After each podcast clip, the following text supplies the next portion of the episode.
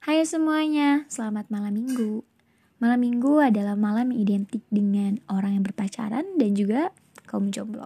Nah, mayoritas manusia itu memandang kaum jomblo sebagai seseorang menyedihkan, bukan?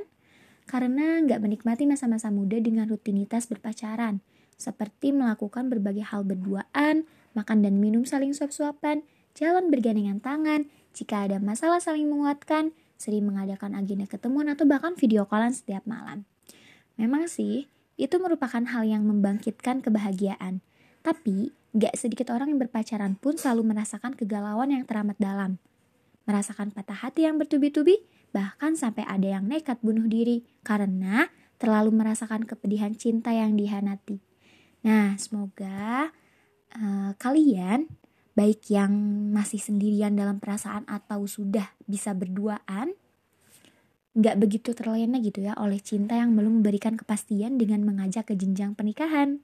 Oke, selamat menikmati malam minggu, baik sendirian atau berduaan. Mwah.